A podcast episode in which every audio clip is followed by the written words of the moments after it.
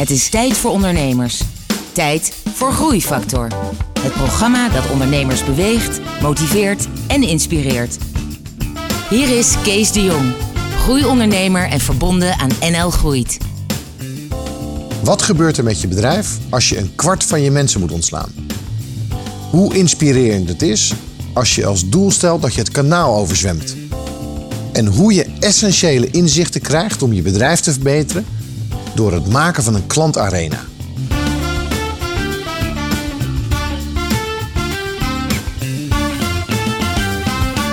Welkom bij Groeifactor. In deze aflevering is Jeroen Blankendaal mijn gast. Jeroen, welkom. Jeroen, jij bent van Cadenza. En, en uh, Cadenza die zit in het meest hippe deel, denk ik nu, van de industrie. Kan je heel kort uitleggen wat het is? Ja, uh, Cadenza is een uh, consultancybedrijf, gespecialiseerd in wat we noemen big data en analytics. En eigenlijk als ik het heel kort zou moeten samenvatten, wat ik heel leuk vind, is graven in grote bakken met data en kijken of ik daar slimme inzichten uit kan, Ja. kan krijgen. Ja, en jullie, en jullie tagline, in ieder geval een tijdje geleden, was having a clue. Ja. En die vond ik echt, eh, echt eh, fantastisch. ja, alle data is er. En wij weten hoe je daar op de juiste manier informatie uit eh, naar voren haalt. Jeroen, we gaan het hebben over jouw ondernemerspad, je hoogtepunten, je dieptepunten en alles wat jij hebt meegemaakt. En vooral ook wat andere ondernemers van jou kunnen leren. Ehm, dat allemaal zo dadelijk. We gaan eerst luisteren naar muziek van Change. Groeifactor beweegt ondernemers.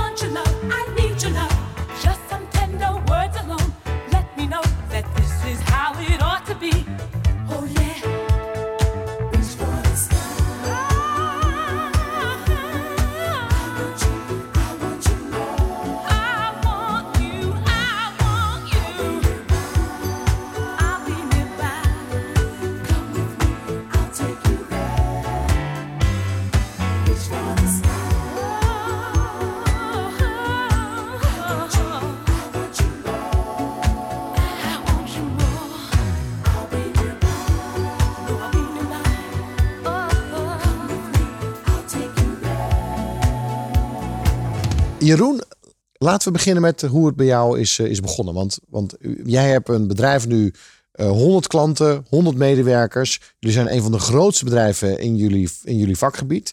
Je, ja, je mag wel zeggen, je bent succesvol. Je, hebt, je bent altijd bezig vanaf 2004, maar je bent wel eh, continu gegroeid met je bedrijf. Maar hoe is dat zo begonnen? Nou, het is eigenlijk bij toeval, eh, toeval begonnen. Ik werkte bij een bedrijf in, eh, in Haarlem. En de grap is, die club die kocht een bedrijf in Engeland. Deed iets met BI, met Business Intelligence. Mhm. En ik had er nog nooit van gehoord. En mijn baas was heel erg enthousiast. En ik zei van, joh, mag ik ook eens kijken in Engeland? En, Ja. eh, ja, ik zal het eigenlijk nooit vergeten. Is dat ik in Brighton aankwam. En eh, een wandeling maakte met mijn eh, nieuwe collega over de pier. En dat hij me vertelde over, over Miss Etam. Waar ze hele ingewikkelde puzzels aan het oplossen waren. Want die wilden minder vierkante meters gebruiken. voor opslag en meer voor, voor verkoop. En daar gebruikten ze data en automatisering voor. En, dit was in welk jaar? dit was, eh, ja, is heel lang geleden. Dit, eh, dit was rond het jaar 2000, 99, Oké. 2000. En toen kwam ik terug in Nederland. Ik zeg, nou, weet je, Tjeerd, je hebt helemaal gelijk. Weet je, wat die jongens daar doen in Engeland, dat is zo waanzinnig. Mag ik in Nederland ook iets beginnen? En toen zei hij, nou, vind ik een goed idee. En de eerste die ik aannam om aan de slag te gaan, was Erik. En dat is eh, later mijn compagnon geworden met wie ik Cadenza Erik. Lenen. Ja, Erik Ja. En we hadden alleen een beetje pech, want de club ging, eh, eh, denk ik, drie, vier maanden later failliet. Ja. iets te enthousiast eh, geld uitgegeven. Maar dus de club van je baas ging failliet. Dat, Ja. dat, dat leek vanaf de buitenkant heel succesvol te zijn. Maar Ja. dat bleek uiteindelijk toch dat er significant meer geld uitging dan dat er binnenkwam. Maar het klinkt niet zozeer als pech, maar meer als een kans voor jou. Ja, ik werd, ik werd onderdeel van een club waar ik me helemaal niet thuis voelde. Mhm. Er kwam een goede vriend bij me die zei van nou, ik heb twee ondernemers leren kennen. En eh, die hebben mij geholpen om eh, eigenlijk eh, wat ondersteuning te geven bij het ondernemen. Zou je het eens interessant vinden om ze te ontmoeten? Mhm. En dat heb ik, dat heb ik gedaan. En eigenlijk uit dat gesprek ja, kwam al snel naar voren. Is dat ja, de ideeën die ik had, de, de, de, de dingen die ik voor me zag. Ja, daar werden zij enthousiast van. Ik stond in brand. Dat ik dacht ja, weet je, dit is zo, zo gaaf als om dit te kunnen. Ja. Dus ik ben samen met hen ben ik, eh, ben, ik, eh, ben ik gestart. Dat was denk ik de aanmoediging die ik nodig had om de stap eh, naar ondernemerschap te maken. En dan hebben we het over het jaar 2004. 2004, ja. En, en toen ben je begonnen met, met Cadenza, met Erik. Ja. Gelijk 50-50 partners? Eh, in het begin 25, 25, 25, 25. Dus de Oh, twee, die twee andere zaten er ook nog in. Ja, dat is nog een heel verhaal op zich. Wow. maar Kunnen we kort even bij het is nu eh, 50-50, maar dat, Ah, eh, daar is wel iets voor gebeurd om dat Oké. zover te krijgen. Ja. Oké. Eh, Jeroen, toen jullie begonnen, wa- wat was je droom? Wat was je plan? Wat was je doel? Ja, mijn allergrootste droom was eh, aan de ene kant om eh, het voor elkaar te krijgen wat, wat ik in Engeland had gezien. Dus om die, om die puzzels te mogen, te mogen oplossen. Ja, en de puzzel was inderdaad, hoe krijg ik meer vierkante meters op een... Eigenlijk een beetje wiskundepuzzel, toch? Ja, hoe kan, ik, hoe kan ik eigenlijk op een hele slimme manier een heel complex probleem, een alledaags probleem misschien, zoals hè, meer Mhm. vierkante meters eh, als, eh, als winkelruimte. Hoe kan ik IT gebruiken om die, eh, om die puzzel op te lossen? Dat was het inhoudelijk stuk. Maar eigenlijk, als ik heel eerlijk ben, eh, er was één club in Nederland en eh, die, die, die was al heel actief en die waren 35 mensen groot. En de lat die ik voor mezelf gedefinieerd had, weet je, als wij het ooit voor elkaar krijgen om groter te worden dan 35 mensen, ja, dan hebben wij toch volgens mij alles wel bereikt wat er, wat er mogelijk is. En, Gaaf, maar dat is wel heel duidelijk doel. En dat was zo Ja, motiverend. ja. Kijk, Erik en ik, we zijn letterlijk met z'n tweetjes gestart op een, eh, op een zolderkamer. Twee bureaus tegenover elkaar, twee telefoons. hey, maar, maar dan eh, als Erik, als die sales was, want die had je aangenomen als sales. Nee, Erik was consultant. Ja, oké, als Ja, consultant. dus Erik is Oh, eigenlijk het inhoudelijk geweten. Dus Erik heeft de visie over waar de markt naartoe gaat, waar de industrie naartoe gaat. Het is ook een man die heel gepassioneerd is over technologie. Ja, En ik heb een bedrijfskundige achtergrond. Dus ik ben heel erg geïnteresseerd in hoe bedrijven in elkaar zitten. oké. Maar wie maakte die puzzels dan? Ja, dat was een goede vraag. Dat, eh, wat je moet je voorstellen. We zijn op 1 oktober 2004 zijn we gestart. En eh, wij hadden, na twee weken hadden we beet. C1000 hadden we aan de lijn. Tegenwoordig, eh, tegenwoordig Jumbo. En Erik had beet. Dus Erik die, eh, die hangt op en zegt, yes, we hebben een aanvraag. En die kijken zo aan, shit, we hebben geen personeel. Hoe gaan we dit, hoe gaan we dit fixen met z'n tweeën? Dus ik heb een hele middag zitten bellen. En ik heb bij die concurrent, hè, die dus 35 man had, die heb ik opgebeld. Ik zei, ja, ik zeg, we moeten toch even praten met elkaar. Ik heb iemand nodig die het werk kan doen. Dus ik heb letterlijk iemand ingehuurd van hem om mijn eerste eh, opdracht te gaan, eh, te gaan invullen. En zo is dat balletje gaan, gaan rollen vanaf, ja, vanaf twee weken nadat we van, van start waren gegaan. Oh, dit is, dit is wel een, een uniek eh bij de hand businessmodel. Je huurt gewoon mensen van je concurrent in. Waar je volgens zelf kan leren hoe het eigenlijk moet. Ja, en pas na drie maanden had ik de eerste mensen op de loonlijst staan. Dat, want dat kostte me toch wel, nou, uiteindelijk als ik achteraf terugkijk, is dat nog heel snel. Mhm. Maar ik ben, ja, weet je, we zijn gewoon eerst maar gewoon eens gaan bellen. Moet eerst, eerst moet eerst vraag zijn, Ja. behoefte zijn, voordat ik... eh, ja, maar die klanten die vragen dan toch, ja, maar wat hebben jullie gedaan? Wat is je ervaring? En vervolgens moet je zeggen, ja, we hebben geen ervaring. nou, we hebben dit nog nooit ja, gedaan. Dat is een kwestie hoe je het uitlegt. Hè? Dat, eh, ja, dus ik kan- jullie ik kan waren natuurlijk- allebei goede verkopers. ja, weet je, ik had natuurlijk wel degelijk ervaring. Ik had 2,5 jaar, drie jaar lang daarvoor. Ja, in loondienst weliswaar. Ja, ja. Dus ik ken, ik ken het vakgebied goed. Ik ken klanten goed. Ja. Eh, dus dat was op zich niet zozeer de issue. En ik was, ja, ik was onderdeel van een partij die in mij investeerde. Die ook al 20 man in dienst had. Ja. Dus ja, ik had natuurlijk al een bedrijf achter me staan. Dat, eh, Hey, en, en jij eh, gaf aan, jouw doel was 35 man, dan zou je het eh, hebben gehaald. Inmiddels heb je de 100. Of, of waarschijnlijk ben je er al voorbij als ik Mhm. zo kijk naar de, naar de ontwikkeling. Ehm, wanneer zat je aan die 35? anderhalf jaar. In anderhalf jaar. Ja. Maar dan explodeerde dat bedrijf ook gewoon echt. Ja, dat, was eh, jij daar wel klaar voor als persoon? Ehm, eh, ja nee. Eh, wel om de vraag op gang te brengen. Dus om klanten te vinden. En wat ik ontzettend leuk vond was ook de, de sollicitatiegesprekken doen. We hadden het geluk dat, dat we starten op het staartje van een crisis. En dat een aantal grote consultancybedrijven eh, heel erg slecht voor de mensen gezorgd hadden. En dat was echt gewoon, nou, ik heb, dat was toen CMG. Was dat, ik heb in een jaar tijd meer dan 100 mensen van CMG over de vloer gehad. Om eh, te kijken of ze bij ons konden komen werken. En dat ging heel goed. Maar op een gegeven ogenblik groeide dat voorbij Erik en mij. Ja. En daar was ik, als ik daar nu op terugkijk, daar was ik niet klaar voor op dat moment. En, en als je zegt, het groeide voorbij ons. Wat groeide dan? Dat je er gewoon te veel zware mensen binnen had die te ingewikkelde vragen stellen. Dat je, je, dat je de verantwoordelijkheid niet aan kon. Of dat je bedrijf, dat je niet wist hoe je alles moest betalen. Nou weet je wat, die pakken we straks even op. Nadat we naar muziek hebben geluisterd.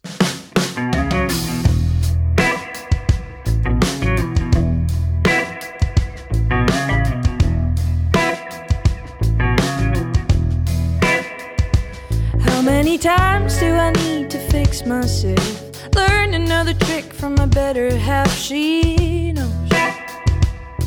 She knows that I try to look at things in a different light, and yet I don't ever seem to do it right. I know. I know that I drink too much and I eat too much. Everybody says I don't sleep enough, yet I don't ever get to see the sunlight in the morning.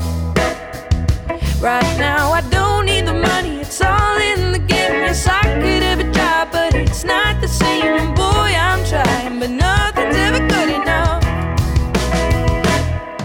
come on.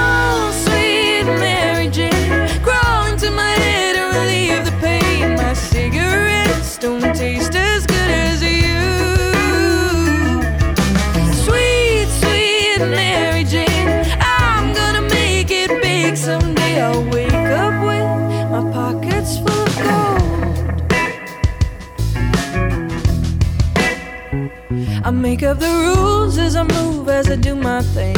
Surprise, surprise, what the evening brings you. Education has never done the trick for me, but I've got an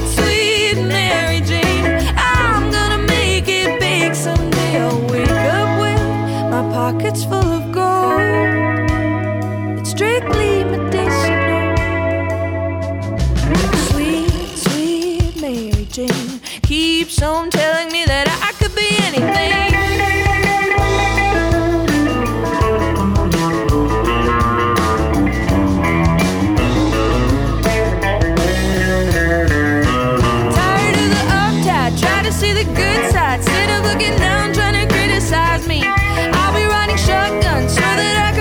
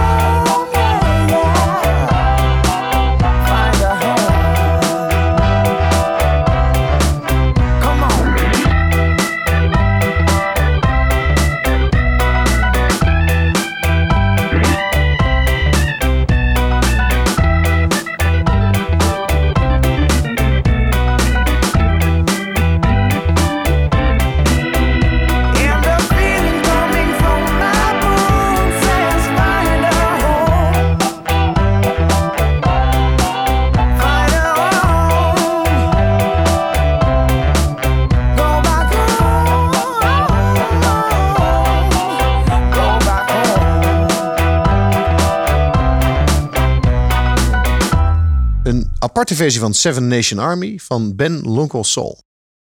Jeroen, de paar lessen die je hebt geleerd. Ja, dat is. Ik, ik heb in loondienst een paar dingen gezien die, waarvan ik dacht van nou, als ik voor mezelf start, dat wil ik niet terugzien in mijn eigen bedrijf. Ik, we hebben er altijd voor gezorgd is dat alles tip-top intern geregeld is. De financiële administratie is op orde. We betalen al onze klanten eh, op tijd. Net zo goed als dat wij ook verwachten dat onze klanten ons netjes op tijd betalen. Alles is altijd netjes geregistreerd in CRM-systemen. Dus de achterkant is altijd heel erg goed op orde geweest om te zorgen dat we al onze tijd, als we het besteden, gewoon in één keer goed besteden. En zo min mogelijk tijd hoeven te besteden aan dingen die misgaan. Wat ik me pas later ben gaan realiseren, toen we een keer echt een hele harde tik kregen dat het, eh, dat het misging met ons bedrijf, is dat eigenlijk iedereen die ik om me heen had aangenomen, eigenlijk er alleen maar was om mij efficiënter te maken.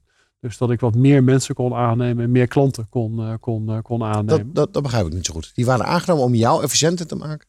Ja, wat ik ermee bedoel te zeggen is eigenlijk is dat eh, zij heel goed in staat waren om de dingen te doen die Erik en ik bedachten.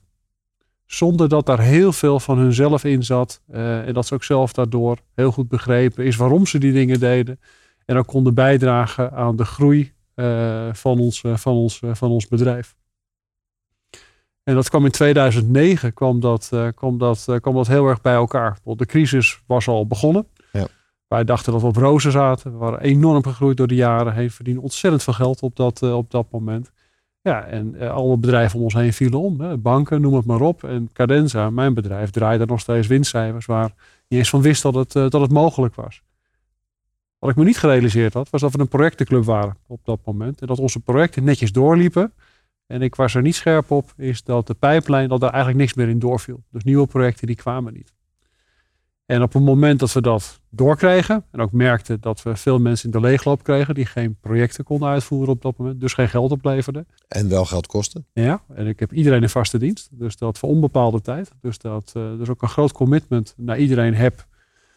Toen merkte ik in één keer dat mijn managementteam en mijn verkoopstaf, eigenlijk mensen op wie ik dacht te kunnen leunen, op dat moment allemaal naar mij keken en naar Erik keken. Hoe gaan we dit oplossen met elkaar? En ik, ja, ik wist het ook niet op dat moment. Eh, ja, ik wist wel dat iets moest gebeuren.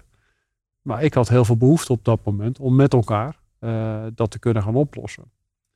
En eh, in plaats van dat we elkaar konden versterken, merkte ik eigenlijk dat iedereen elkaar min of meer goed bedoeld aan het tegenwerken was. Dus de linkerhand wist van de rechterhand niet wat er, eh, niet wat er gebeurde. En pas toen kreeg ik door eigenlijk, is dat eh, eigenlijk ik mijn bedrijf wel groot gemaakt had in omvang, maar eigenlijk nog helemaal niet op een niveau gebracht had, is dat meer mensen konden helpen om het bedrijf ook een stap verder eh, te maken. De, de, de, en hoe uitte dat zich na- naar jou? Nou, aan de ene kant dat ik eh, overal een mening over had. En dat ik ook iedereen graag wilde vertellen hoe dat allemaal in elkaar stak. En eigenlijk niet meer open stond om te leren. Eh, dat dagen erg lang werden, waardoor ik heel weinig reserve ook had. Om nog dingen eh, objectief of van afstand te kunnen, te kunnen bekijken. Werd je ook bozer of kwaad of, of eh, kribbig? heel ongeduldig. Dat, eh, en dat uitzicht bij mij er dan voornamelijk in is dat ik niet bereid ben om naar je te luisteren. Maar dat ik wel in mijn hoofd gewoon een oplossing bedenk. En je gewoon ga Ja. vertellen wat je moet gaan doen. Dus jij werd een echte baasbaas. Ja. En dat, eh, en dat is voor de mensen die heel dicht bij me staan. Heel vervelend is dat collega's op afstand. Dat ging vaak indirect. Dus die hadden nog een leidinggevende, zeg maar, die dan met mij. eh, dus die merkte dat niet zozeer. Mhm. Maar zeker de mensen om me heen die ik het hardste nodig had op dat moment, gaf ik de minste ruimte. En dat, eh, dat, dat had ik op dat moment helemaal niet door. En ja, het was voor Erik en ik, het is een reis die we met z'n tweeën zijn gaan maken. We hebben allebei geen ondernemersachtergrond. Eh, dus we konden elkaar daar ook verder niet in, eh, niet in versterken. Dat, En, en wie, wie zei dan uiteindelijk tegen jou van... joh Jeroen, kijk eens even in de spiegel. dat, dat zijn een paar dingen zijn dat geweest. Maar het belangrijkste denk ik wel, dat zijn eh, de mede-ondernemers eh, geweest die in mijn forum zaten. Die, hebben mij, die hielden mij een spiegel voor. En eh, het andere wat gebeurde, dat was in diezelfde club, is dat ik een paar hulpmiddelen aangereikt kreeg. die me lieten zien is ook hoe het anders kon. En dat, dat was een boek wat ik kreeg van, van iemand die je denk ik ook wel kent, Vern Harnish die me eigenlijk liet zien, is hoe je een bedrijf ook kunt ontwerpen en op een manier kunt samenstellen, is dat iedereen daaraan kan bijdragen. En toen dacht ik, hé, maar dat is wel hoe ik het heel graag zou willen. Ja. Maar dat is niet hoe mijn wereld er vandaag uitziet, eh, Nee. als, ik heel eerlijk, eh, als ik heel eerlijk ben. Nee, en ik kan me ook voorstellen dat je dan, als je weer terugging naar het bedrijf, dat je wel wat te repareren had. Je had wel wat, hè, het inzicht, oké, ik ben in ieder geval onderdeel van het probleem. En hopelijk onderdeel van de oplossing. Maar het draait wel om, om, om mij. Dus je hebt dan op dat moment wel wat uit te leggen naar je, naar je mensen. Ja, en Hoe heel, heb je ze weer voor je gewonnen? Nou, dat heeft, dat heeft, dat heeft best lang geduurd. Eh, omdat in die, in die jaren tussen 2004 en 2009 hadden we alleen maar succes gekend. Ik, eh, Ja, groot heb- kantoor, dikke auto's. Nou, met name grote beloftes over zekerheid en dat het altijd goed is. En dat we een club zijn die goed voor je zorgt. Oké. Niet eens zozeer is dat we het heel breed lieten hangen. Dat, eh, dat niet direct. Dus toen ik eh 20, 25 procent van mijn personeel ontsloeg op één dag. Dat heeft zo lang nagewerkt in, eh, in, eh, in, eh, in de club. Want iedereen, ik voelde dat ook. Iedereen vertrouwde me. Weet je, Ja. weet je het was vijf jaar fantastisch gegaan. En het terugkrijgen van dat vertrouwen van, eh, van de club. Dat op het moment dat eh, ideeën komen of met nieuwe initiatieven komen. Dat heeft, dat heeft echt lang geduurd. En dan praten we soms wel over jaren. Dat het jaren later, op een moment dat ik in gesprek zit met een collega. Dat het in één keer nog kon oppoppen. Dat ik dacht van, ik zie dit gewoon niet meer aankomen. Er blijft iets in zitten. eh, wat gewoon in onze cultuur gewoon onmogelijk was. Namelijk is dat we uiteindelijk niet meer konden zorgen voor, voor, voor elkaar. En dat heeft me... eh, dat, nou, daar ben ik nog steeds heel alert op. Jeroen, na 2009 ben je weer eh, hard gaan groeien. Dus na die crisis. Hè, Ja. dan ben je, uiteindelijk hebben we de groei weer te pakken gehad. Mede door het implementeren van een aantal eh, systematische handgrepen. Zeg maar hoe je je bedrijf kan inrichten voor groei. Daar wil ik graag straks alles over horen. We luisteren eerst naar R met het nummer Alpha Beta Gaga.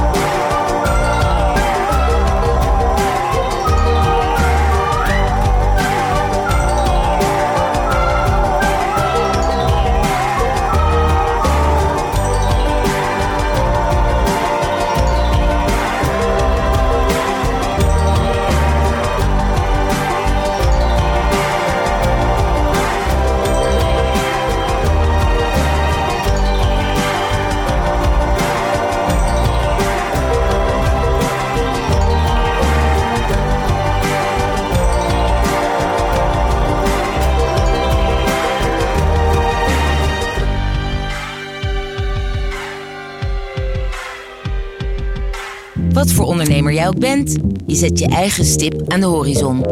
Een idee, een ideaal, een ambitie. Groeifactor helpt je daarbij, zodat je persoonlijk en zakelijk vooruit kunt. Groeifactor beweegt ondernemers.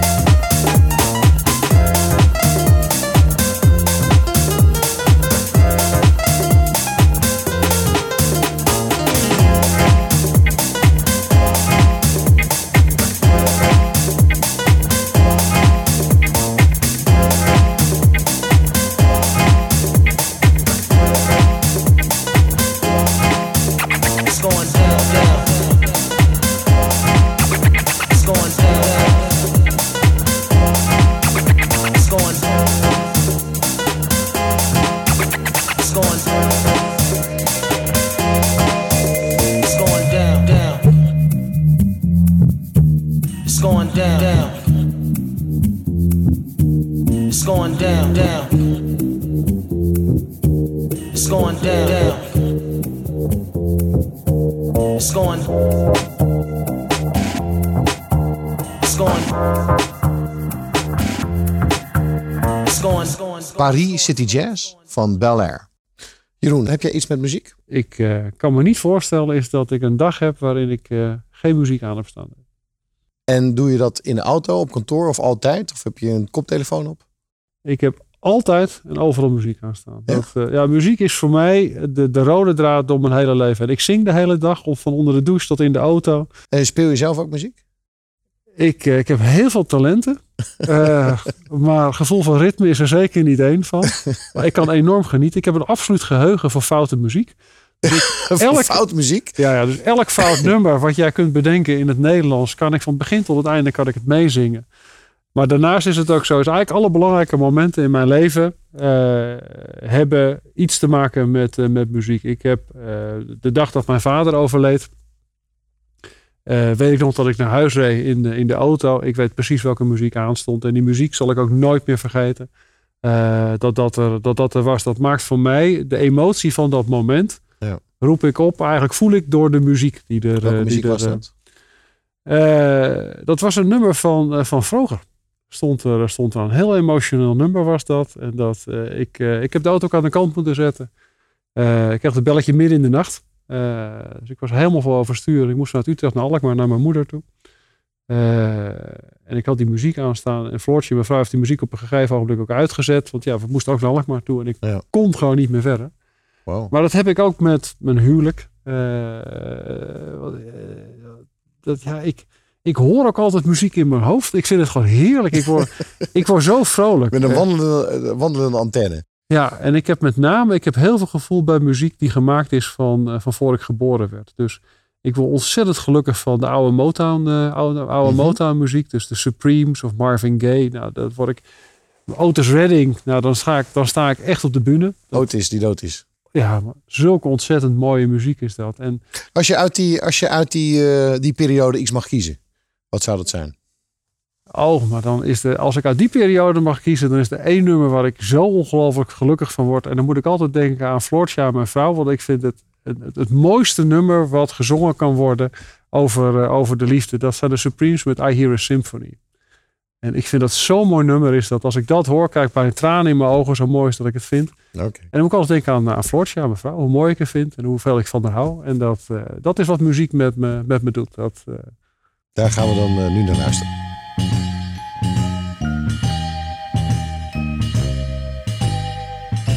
You've given me a true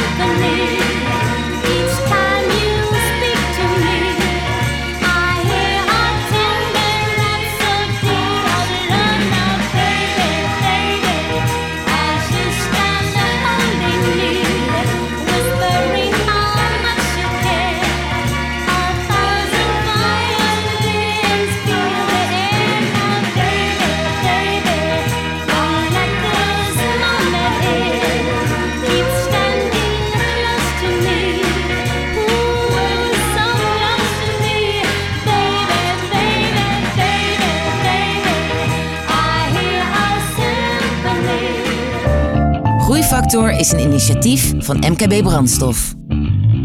Ga naar groeifactor.nl voor nog meer openhartige verhalen van inspirerende ondernemers. Groeifactor inspireert ondernemers.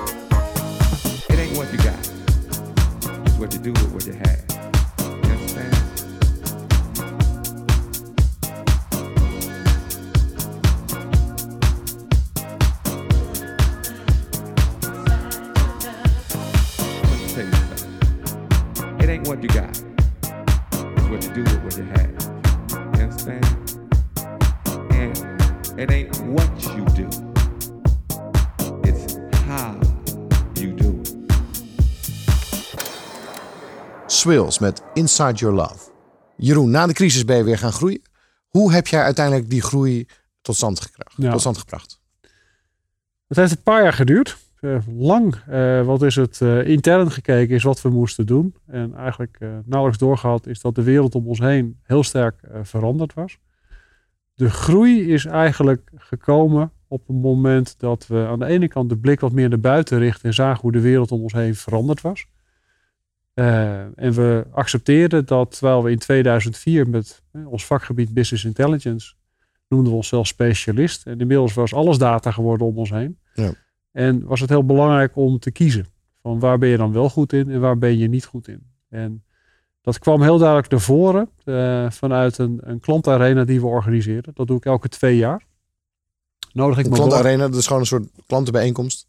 Nee, het is, eh, het is een idee wat ik geleend heb van een eh, collega-ondernemer. Ik nodig eens de twee jaar eh, acht tot tien van mijn belangrijkste klanten uit. En die laat ik aan een tafel zitten met onder leiding van een externe gespreksleider. En daar zet ik allemaal medewerkers omheen. Dus wat is het? Dat waren er soms 40, en dat werden er later 80. En later dit jaar zullen we met een man of 110 denk ik daaromheen zitten. En die, mijn klanten gaan een uur lang in gesprek over wat ze bevalt aan Cadenza en wat niet. En het enige wat wij mogen doen is luisteren. Er mag geen vraag gesteld worden, helemaal niks, alleen maar luisteren. En het inzicht wat daaruit kwam, ja, ik, ik heb het nu twee keer gehad op deze manier, was zo onvoorstelbaar krachtig. Want wat mijn klanten. Wat een fantastisch idee. Ja, het is, En het is kan- ook de eerste keer dat ik dit idee heb gehoord. het is onvoorstelbaar. Mogen luisteraars dit ook jatten of niet? Ja, ik vind het geweldig. Het enige wat ik iedereen gun is een goede gespreksleider. Ja. Eh, en het vermogen eh, om dan ook je mond te houden. Eh, ik sta aan de zijkant met iemand anders en ik schrijf de hele tijd mee. Dus ik, het- de muur wordt helemaal geel van de post-its die er, eh, die, er, eh, die er zijn. Maar ik doe ook iets anders. Ik beloof aan het einde van het gesprek tegen mijn klanten, is dat ik een paar dingen ermee doe. De eerste is dat ik twee jaar de tijd neem om datgene, de impact die ze maken, is om die uit te voeren in mijn, in mijn bedrijf Waarom twee jaar? omdat de, de opdrachten die ik heb meegekregen vanuit mijn klanten Ja. zo fundamenteel, zijn Ah, geweest. Oké, dus dat, dat is niet zo, neem sneller de telefoon op. Het Nee, is, dat eh, lag erop. Weet je, dat je, wat we enorm aan je waarderen is dat jullie super oplossingsgericht zijn. Maar eh, ik zou graag willen dat jullie wat meer proactief zijn. Veel meer zelf initiatief nemen. Dat is echt iets wat ik moet ontwikkelen bij mijn, eh, bij mijn medewerkers. Ehm, dus ik, wat ik doe, ik breng het terug naar drie prioriteiten. Wat ik doe daarmee, is die ga ik maken samen met mijn hele bedrijf. Dus met het hele bedrijf. In twee weken tijd brengen we dat terug naar drie prioriteiten. Vervolgens ga ik op bezoek bij mijn klanten om te toetsen. Of dat wat hun betreft ook de juiste afdronk is van wat, we, wat daar gezegd is die dag. Ja. En wat het betekent voor hun situatie. En ik vertaal het dan ook eh, naar veranderingen en verbeteringen voor, eh, voor, hun, eh, voor hunzelf. Ja. En dat heeft voor mij een paar dingen heeft dat op gang gebracht. Wat heeft op gang gebracht is dat ik aan de ene kant mijn medewerkers op een hele andere manier ben gaan ontwikkelen. Dus we hebben de Cadence Academy hebben opgericht. En dat is een, eh, een, eh, een leeromgeving waar iedereen binnen het bedrijf, van administratie tot consultants tot verkopers, eens per maand uit het werkveld gehaald wordt om te leren met elkaar. En dan enerzijds over de innovatie van het vak, maar ook werken aan persoonlijke vaardigheden. En ook werken over datgene wat er gebeurt bij onze klanten. En dat is verplicht om dat te doen. En dat doen we tijdens kantoortijd. Oké. Eh, dus als een enorme verandering is dat geweest in de manier waarop we ermee omgaan. Om ook aan onze collega's te laten zien. Het is niet iets wat we leuk vinden dat je doet. Ja. We willen ook echt die stap maken met elkaar. Iets anders wat ik gedaan heb. Ik heb een bedrijf teruggebracht rondom drie thema's. Drie thema's waarin mijn bedrijf gespecialiseerd is. En ik ben gaan kijken is hoe ik die thema's ook kan linken aan bovenliggende vragen. Zoals we dat noemen bij klanten. Een stuk wetgeving waar je bijvoorbeeld aan moet voldoen. GDPR-wetgeving op dit moment bijvoorbeeld. Waar veel van mijn klanten om vragen. Of een eh, afdeling marketing die vraagt om een compleet klantbeeld. Om dat te kunnen doen heb ik meer nodig dan wat ik zelf kan doen vanuit, eh, vanuit Cadenza. Ja.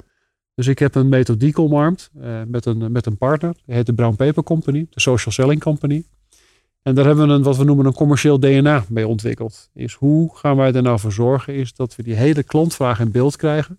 De latente pijn boven tafel kunnen krijgen. En vervolgens ook kijken is wat wij kunnen bijdragen om die oplossing te vinden. Maar ook hoe we leren samen te werken met partners die ons Maar het is daarbij gaan eigenlijk een beetje, een beetje start-up denken. Van wat is nou ons eigen businessmodel? Ja. en Waar voegen we de waarde toe? En hoe kunnen we hè, een beetje business model canvas-achtige aanpak. Ja, absoluut. En wat heeft dat met jouw rol gedaan? Dus hoe is jouw rol dan daar nu in veranderd? Eh, nou, ik, er is heel veel veranderd. Ik zit eigenlijk volop in de tweede groeifase van mijn, eh, van mijn bedrijf op dit, eh, op, dit, eh, op dit moment. En die is, die is fundamenteel anders dan de eerste fase waar we net over spraken met elkaar. Is omdat we ons nu aan het voorbereiden zijn om eigenlijk een hele andere schaalgrootte te krijgen als organisatie dan we, dan we ooit geweest zijn. En voor mij de belangrijkste verandering in mijn eigen rol erin is, is dat ik aan de ene kant de eindverantwoordelijkheid over het bedrijf heb gekregen tot dat moment eigenlijk runden we het bedrijf als gelijkgestemde. Dus ja, er moet toch één iemand aan het einde van de dag eindverantwoordelijk zijn voor de club. Dus aan de ene kant ben ik ervoor verantwoordelijk, is dat ik de ja, resultaten op orde en naar voren kan kijken. Maar aan de andere kant is dat ik mensen uitnodig om een onderdeel daarvan te worden, die vaak beter zijn dan ik zelf ben, om me dan te helpen slimmer te worden Ja. en de resultaten neer te zetten. En En welke schaal moet het worden dan? Eh, de stip die wij nu neergezet eh, hebben is dat we, als we praten over omvang, is dat we de komende periode oversteken om een club te worden die voorbij de 150 medewerkers gaat, eh, gaat groeien. En ik denk dat we daar in het huidige tempo, dat we daar twee, tweeënhalf jaar de tijd voor nodig hebben. Je luistert naar Groeifactor. Het inspiratieplatform dat ondernemers beweegt, motiveert en inspireert.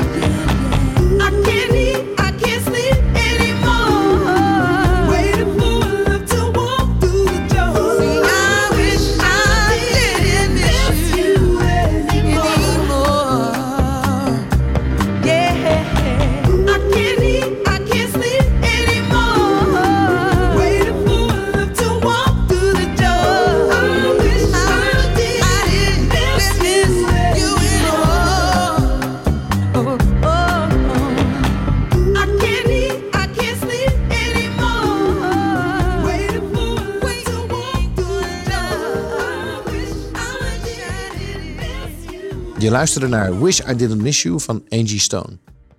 Eh, Ik wil even naar de, naar de persoon eh, Jeroen Blankendaal. Ehm, ik kan me nog herinneren dat jij een aantal jaren geleden een stuk zwaarder was ook. En, en eh, net zoals ik overigens. Volgens mij ben je nu ook erg aan het sporten. Ja, dat, dat klopt. Ik ben, ik ben een echte duursporter. Ik, je hebt me nooit zo zwaar gekend als dat ik ooit geweest ben. Dat, Ja? dat, maar ik ben Hoe tussen- zwaar was je toen? eh, 135 kilo. Zo. Ja. Ik, eh, eventjes voor de, voor de luisteraars. Ik ben eh 1,97. En ik weeg nu, eh, nou, het zal 90, 89 kilo zal het, eh, zal het zijn. Ja, ik, eh, ik, ik, ik, ja ik, ik, ik, ik, ik, kan ook alleen maar functioneren in wat ik doe. Mhm. Door ik op een goede manier ook mentaal voor mezelf te zorgen en fysiek voor mezelf te zorgen. En voor mij is dat net als ondernemen. Ik stel doelen en dan, eh, dan, dan ga ik daarvoor. Dus ik heb inmiddels acht, negen marathons eh, eh, eh, gerend. Ik heb de, de, de, de Elfstedentocht inmiddels twee keer geschaatst. Eh, terwijl ik voor het laatst geschaatst had, geloof ik, op mijn negende of zo. Mhm. En ik ben nu net deze week met het grootste doel van begonnen wat ik ooit, eh, denk ik, ga oppakken. En dat is? Ik ga het kanaal overzwemmen. Ik, eh, ik ga de, eh, wat is het? Eh, ik En ga hebben het niet over het Amsterdam... eh, Nee, eh, gaan we van, ik ga van Calais naar Dover. En ik ben daar, eh, ik ben letterlijk deze week begonnen met mijn eerste training op een route die eh, 2,5 jaar gaat duren. Je weet dat er ook mensen verdrinken hè, die dat proberen. Ja, ik weet ook dat er heel veel mensen aan de overkant komen. Hoe ben je erop gekomen dat je het kanaal wil? Hoe, hoe, hoe verzin je dat? Ja, ja dat, eh, ik, ik wou dat ik nooit bij een lunch was geweest eh, een paar jaar geleden waar iemand me vertelde dat dat zijn droom was. Ja. En dat ik dacht, jeetje, weet je, die marathon lopen, dat is al echt heel moeilijk. Maar dit is onmogelijk om dat te doen. En toen ging ik op de website kijken van de British Channel Associ- Swimming Association. Mhm. En dus, toen stond daar de tekst, is dat er minder mensen ooit het kanaal hebben overgezwommen dan de Mount Everest hebben beklommen. Dat ik, ja, Oh, cool. echt? Dat, ik gaaf, dat wil ik ook. Dat, eh, ik wil mijn naam op die lijst hebben. Dus ik kijk hoe dat, eh, hoe dat in elkaar zit. En je mag dus ook niet in een pak. Je moet in een, eh, gewoon in een traditional bathing suit. Je moet in je zwembroekje moet je gaan. Speedo.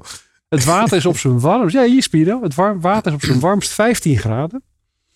En dan moet je die 2, 33 kilometer moet je daar door de zee heen zwemmen met golven 10 meter hoog. Ik denk, nou, dit klinkt zo debiel. Dit, Ja. moet, dit moet ik doen. Wat is het verste dat jij wel eens hebt gezwommen?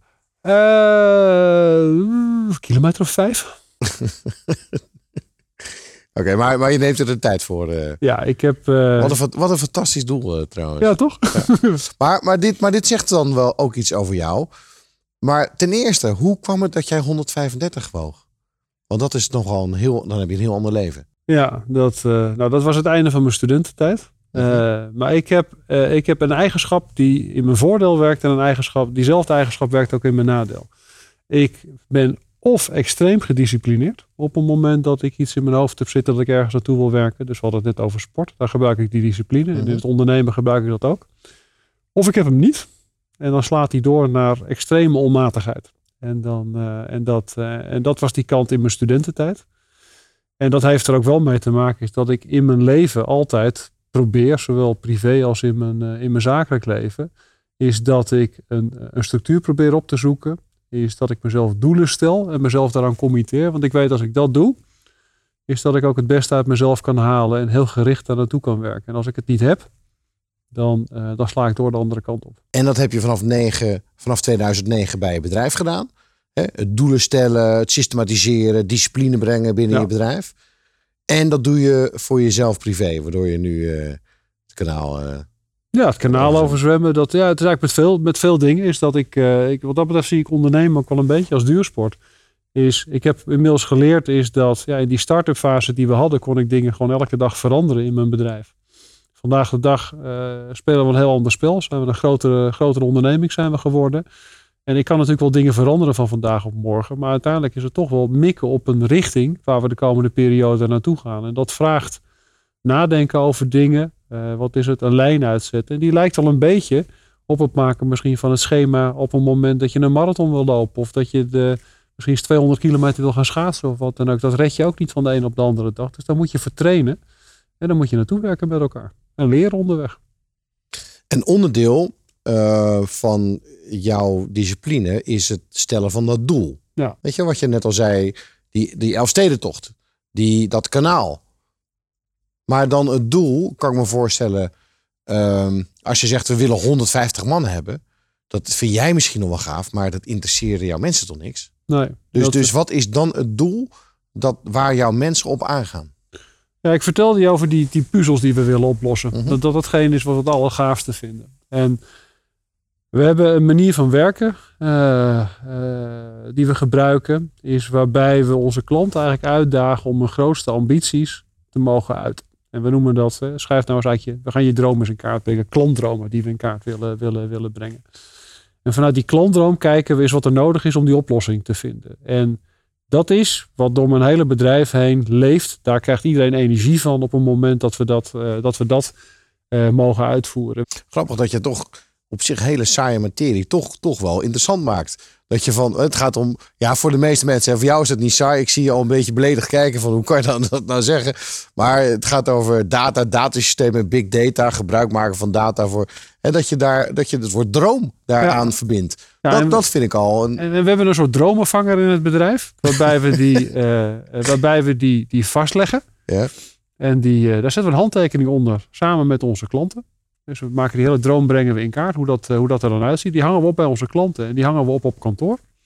En onze droom is, is om duizend en één van die dromen te mogen oplossen. En op het moment dat we dat voor elkaar krijgen, Ah, zijn wij klaar in En, Nederland. en, en dat is hetgene waar jouw medewerkers dan op aangaan. Dus dat is eigenlijk het kanaal voor jouw medewerkers. Die Juist. duizend en droom oplossen. En dat, eh, en, dat, eh, ja, dat, en dat is waar iedereen energie van krijgt. Dus als ik praat binnen mijn bedrijf wat we, dingen, wat, wat we kunnen bereiken, Ja. dan nodig ik bijvoorbeeld eh, belangrijke klanten uit die vertellen over hun visie hoe ze de Nederlandse zorg willen veranderen de komende jaren. En om dan Ja. te laten zien is hoe we daaraan kunnen bijdragen met elkaar. Is wat wij vanuit onze expertise kunnen doen om ervoor te zorgen dat mensen die een problematische aandoening hebben, sneller behandeld kunnen worden. Of dat dat tegen andere kosten kan in de Nederlandse gezondheidszorg.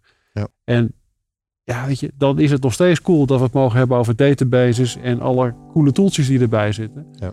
Maar als, als ik een bijdrage kan leveren aan het eh, eh, eh, verbeteren van zorg in Nederland, dan raakt mij dat als ondernemer weer op een net iets ander niveau dan wanneer het alleen gaat over een klein stukje wat ik dan in techniek mag bijdragen. Openhartige gesprekken met inspirerende ondernemers. Je luistert naar Groeifactor.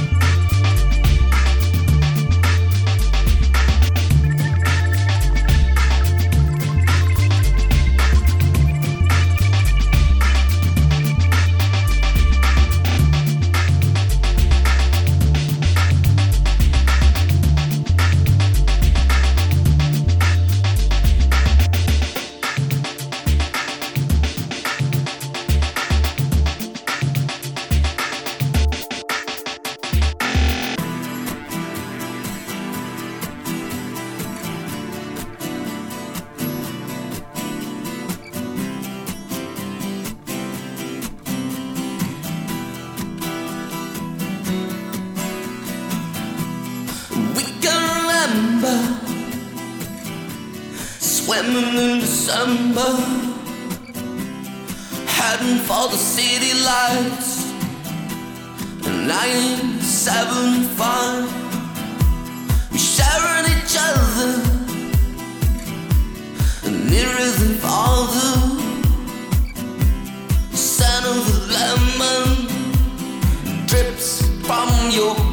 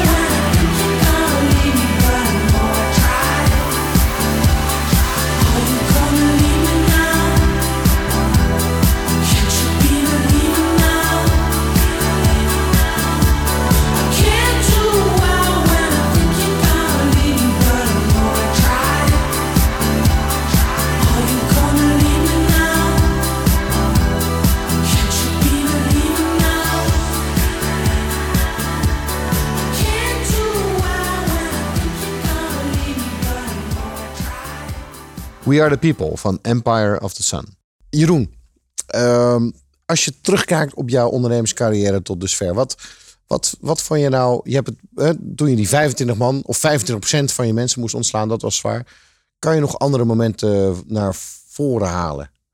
Dat je dacht van, oké, ja, nu wil ik ermee stoppen. Dit, dit is te moeilijk of te zwaar of ik weet niet wat ik moet doen. Ja, ik, ik ben altijd het commercieel uithangbord geweest van ons bedrijf. Eh, ook altijd verantwoordelijk geweest voor, eh, voor verkoop.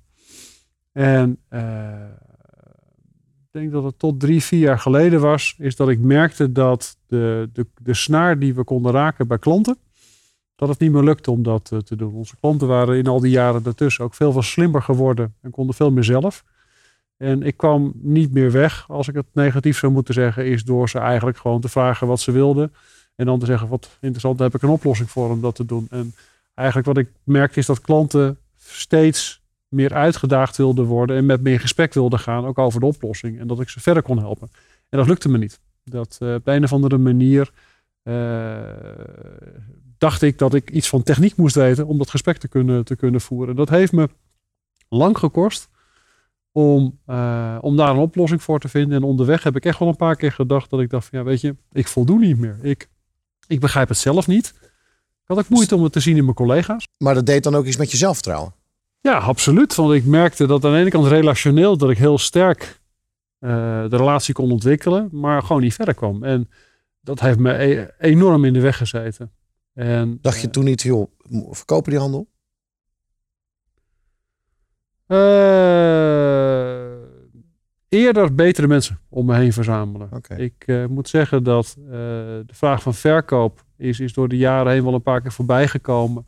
Zeker nu in de markt waarin ik werk, waarin nou, veel van mijn concurrenten inmiddels door private equity clubs gekocht zijn. Omdat de markt zich zo snel ontwikkelt dat die mogelijkheden er, eh, er zijn. Maar voor mijzelf had dat er met name mee te maken is hoe kan ik betere mensen vinden. En uiteindelijk heb ik gemerkt is dat ik veel van die mensen al in huis had. Alleen dat ik mezelf en mijn collega's moest gaan ontwikkelen. En dat is wat ik ben gaan doen. Eh, en dat heeft me een enorme boost gegeven in vertrouwen. En me eigenlijk ook weer heel veel lol extra gegeven. Omdat ik nu merk dat ik veel meer kan bijdragen in gesprekken met, eh, met, eh, met klanten. Jeroen, we lopen aan het eind van het gesprek. En daarin proberen we altijd toch nog een beetje de, de lessen op een rijtje te zetten. Nou, nu heb je er een aantal al genoemd. Dus eh, samen wil ik met jou die een beetje formuleren. En misschien kan je er nog wat aan toevoegen. Waar je mee begon is, zoek een groep van ondernemers waar je regelmatig mee praat. Omdat het lastig is om af en toe zelf die spiegel te vinden. En die houden hem wel voor, zeg maar, als je de goede groep hebt. Ja, Dat klopt, hè? absoluut. Oké. Ehm, de tweede les wat jij hebt genoemd is dat je uiteindelijk de boel ehm, eh, systematischer bent gaan inrichten. Meer discipline, meer doelen, meer prioriteiten, waardoor het duidelijker werd wat de bedoeling was. Ja, we zijn, eh, en, en, en dat te doen door eigenlijk groot te mogen denken, lang te denken. Mhm. Maar volgens mij dat grote stuk ook in kleine stukjes te, te kunnen hakken, zodat je elke dag een stukje daar naartoe kunt, eh, kunt zetten. Wat ik je vertelde, de Ja. Rockefeller Habits is daar een mooi voorbeeld van. Ja. Nummer drie had te maken, heeft te maken met jezelf, wat je al zei. Soms kom je jezelf tegen. Je moet dus openstaan. En dat je misschien zelf ook wel eens het probleem eh, van, het, eh, van de situatie kan zijn. En daarmee moet je leren van anderen. En vooral hele goede mensen om je heen verzamelen. Ehm, andere inzichten die je zou willen delen aan. eh, Nee, ik, dat zijn voor mij zijn dat wel de belangrijkste dingen. En ik moet zeggen dat ik mezelf heel regelmatig de vraag stel, is of ik nog nieuwsgierig genoeg ben om op de plek te, te zitten waar ik, waar ik zit. Ik word elke dag lastiggevallen met nieuwkomers in de markt. Nieuwe bedrijven die harder groeien. Hele slimme mensen. En de enige manier waarop ik eh, de energie kan vinden die ik elke dag heb, is door elke dag weer iets te leren. En dat begint met nieuwsgierigheid. En op een moment dat die me ontbreekt, en dat is door de jaren heen wel eens gebeurd, is dat ik, het niet dat, ik dat niet meer kon vinden.